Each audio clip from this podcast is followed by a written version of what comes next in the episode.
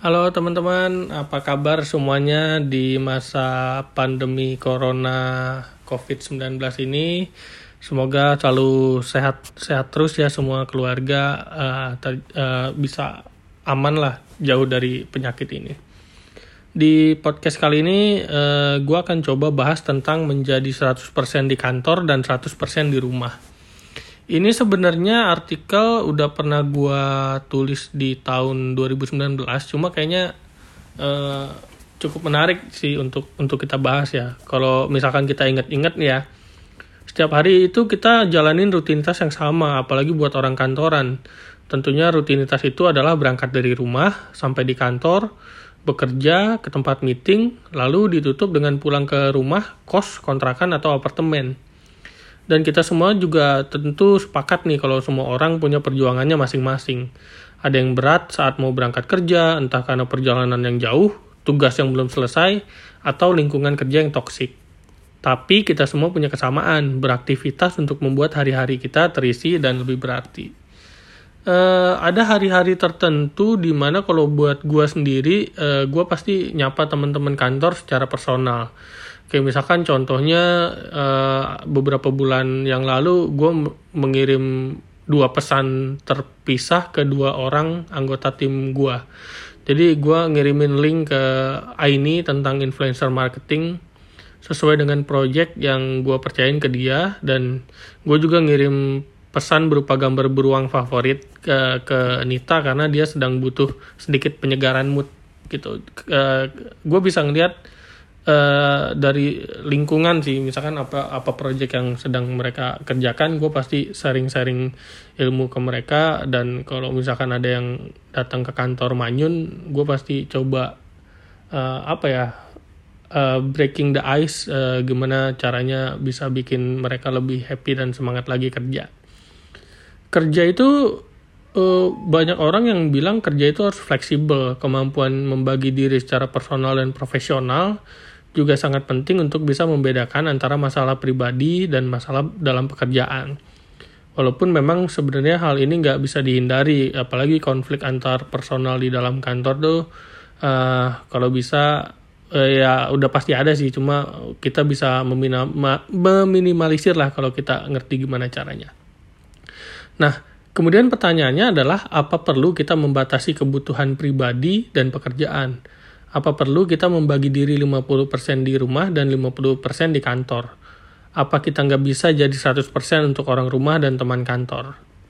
Uh, kemudian uh, muncullah uh, satu konsep terminologi yang disebut dengan work-life balance yang yang ini semua orang pengen banget bisa punya pekerjaan, kehidupan dan juga uh, keduanya itu saling seimbang satu sama lain.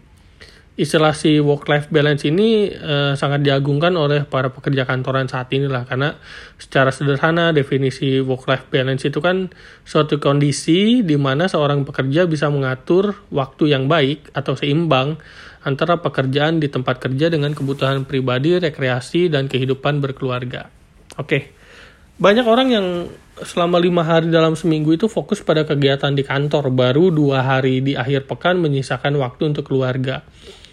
Hal ini kalau menurut gue sih nggak seper nggak sepenuhnya salah, tapi juga nggak sepenuhnya benar karena lo sebenarnya punya tujuh hari yang bisa lo pakai untuk keluarga sekaligus kantor lo gitu. Walaupun ya untuk kantor lima hari lah, tapi untuk orang rumah lo harus punya tujuh hari. Jadi eh, gimana kalau konsepnya begini, gimana kalau kita bisa jadi orang yang lengkap, bukan hanya lima hari kerja fokus pada pekerjaan di kantor, tapi kita juga bisa jadi lima orang yang lima hari kerja fokus pada keluarga. Lalu kita melepas dua hari libur dari pekerjaan dan sepenuhnya menghabiskan waktu bersama keluarga. Jadi apa ya matematika sederhananya itu lo bisa punya lima hari untuk pekerjaan tapi lo bisa punya tujuh hari untuk keluarga lo gitu karena waktu bareng keluarga itu adalah waktu yang benar-benar berharga sih. Apalagi gue sadar banget setelah uh, kondisi COVID-19 ini memaksa gue work from home uh, tiap hari ya gue di apartemen bareng sama istri gue gitu. Setiap hari ketemu dia nggak ke mana-mana berduaan pelukan ciuman ya, ya suami istri lah. Uh, tapi ada juga momen-momen di mana kita sama-sama kangen sama orang tua sih. Jadi dia orang tuanya di Bekasi dan orang tua gue di Bogor kita sama-sama belum bisa pulang ke rumah karena uh, memang kondisi PSBB saat ini menghalangi kita lah untuk bisa mudik gitu. Dan uh, kayak yang tadi gue bilang waktu adalah hal yang sangat berharga. Jadi waktu ini nggak bisa dikembalikan bahkan dengan segala kekayaan yang kita dapetin dari pekerjaan kita lah. Jadi lo bisa pilih lima hari fokus di kantor terus pulang ke rumah langsung istirahat tanpa peduli kepada keluarga di rumah atau lo bisa ambil pilihan lima hari sepulang kerja selalu nyisi, menyisikan waktu lo untuk digunakan bercengkrama dengan keluarga. Dan uh, banyak dari kita yang menghabiskan waktu commuting dari kantor ke rumah dan sebaliknya. Waktu yang dihabiskan di perjalanan itu sebenarnya bisa digunakan untuk memberi perhatian kepada orang tercinta kayak pulang bareng temen atau pulang bareng pasangan atau uh, lain-lainnya lah jadi kalau menurut gue sih untuk apa lo menjadi 50% di kantor dan 50% di rumah sementara lo bisa 100% di kantor dan 100% di rumah ini relevan dengan kondisi work from home saat ini ya, apalagi buat para pekerja-pekerja kantoran. Jadi saat work from home ini, kalau menurut gue ya lo 100% di rumah, dan lo 100% untuk kantor lo juga gitu.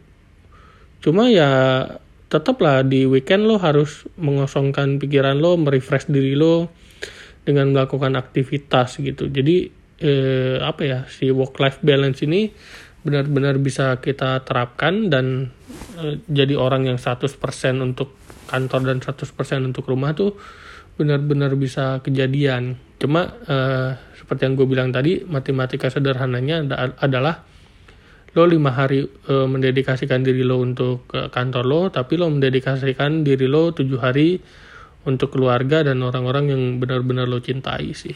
Gitu. E, terakhir mungkin eh, pandemi corona ini sih gue berharap bisa benar-benar cepat berakhir karena apa ya banyak orang di luar sana lah yang bikin kangen kayak ngumpul sama teman-teman nongkrong di uh, tempat makan ketemu sama orang tua ke mall dan lain-lain. Tapi untuk sementara memang kita harus uh, menahan diri untuk nggak ke mana-mana dulu stay at home work from home school from home learning from home praying from home. Uh, semuanya dari home lah intinya. Yang penting kita masih tetap punya aktivitas nggak jobless gitu. Oke sehat-sehat terus ya semua teman-teman. Bye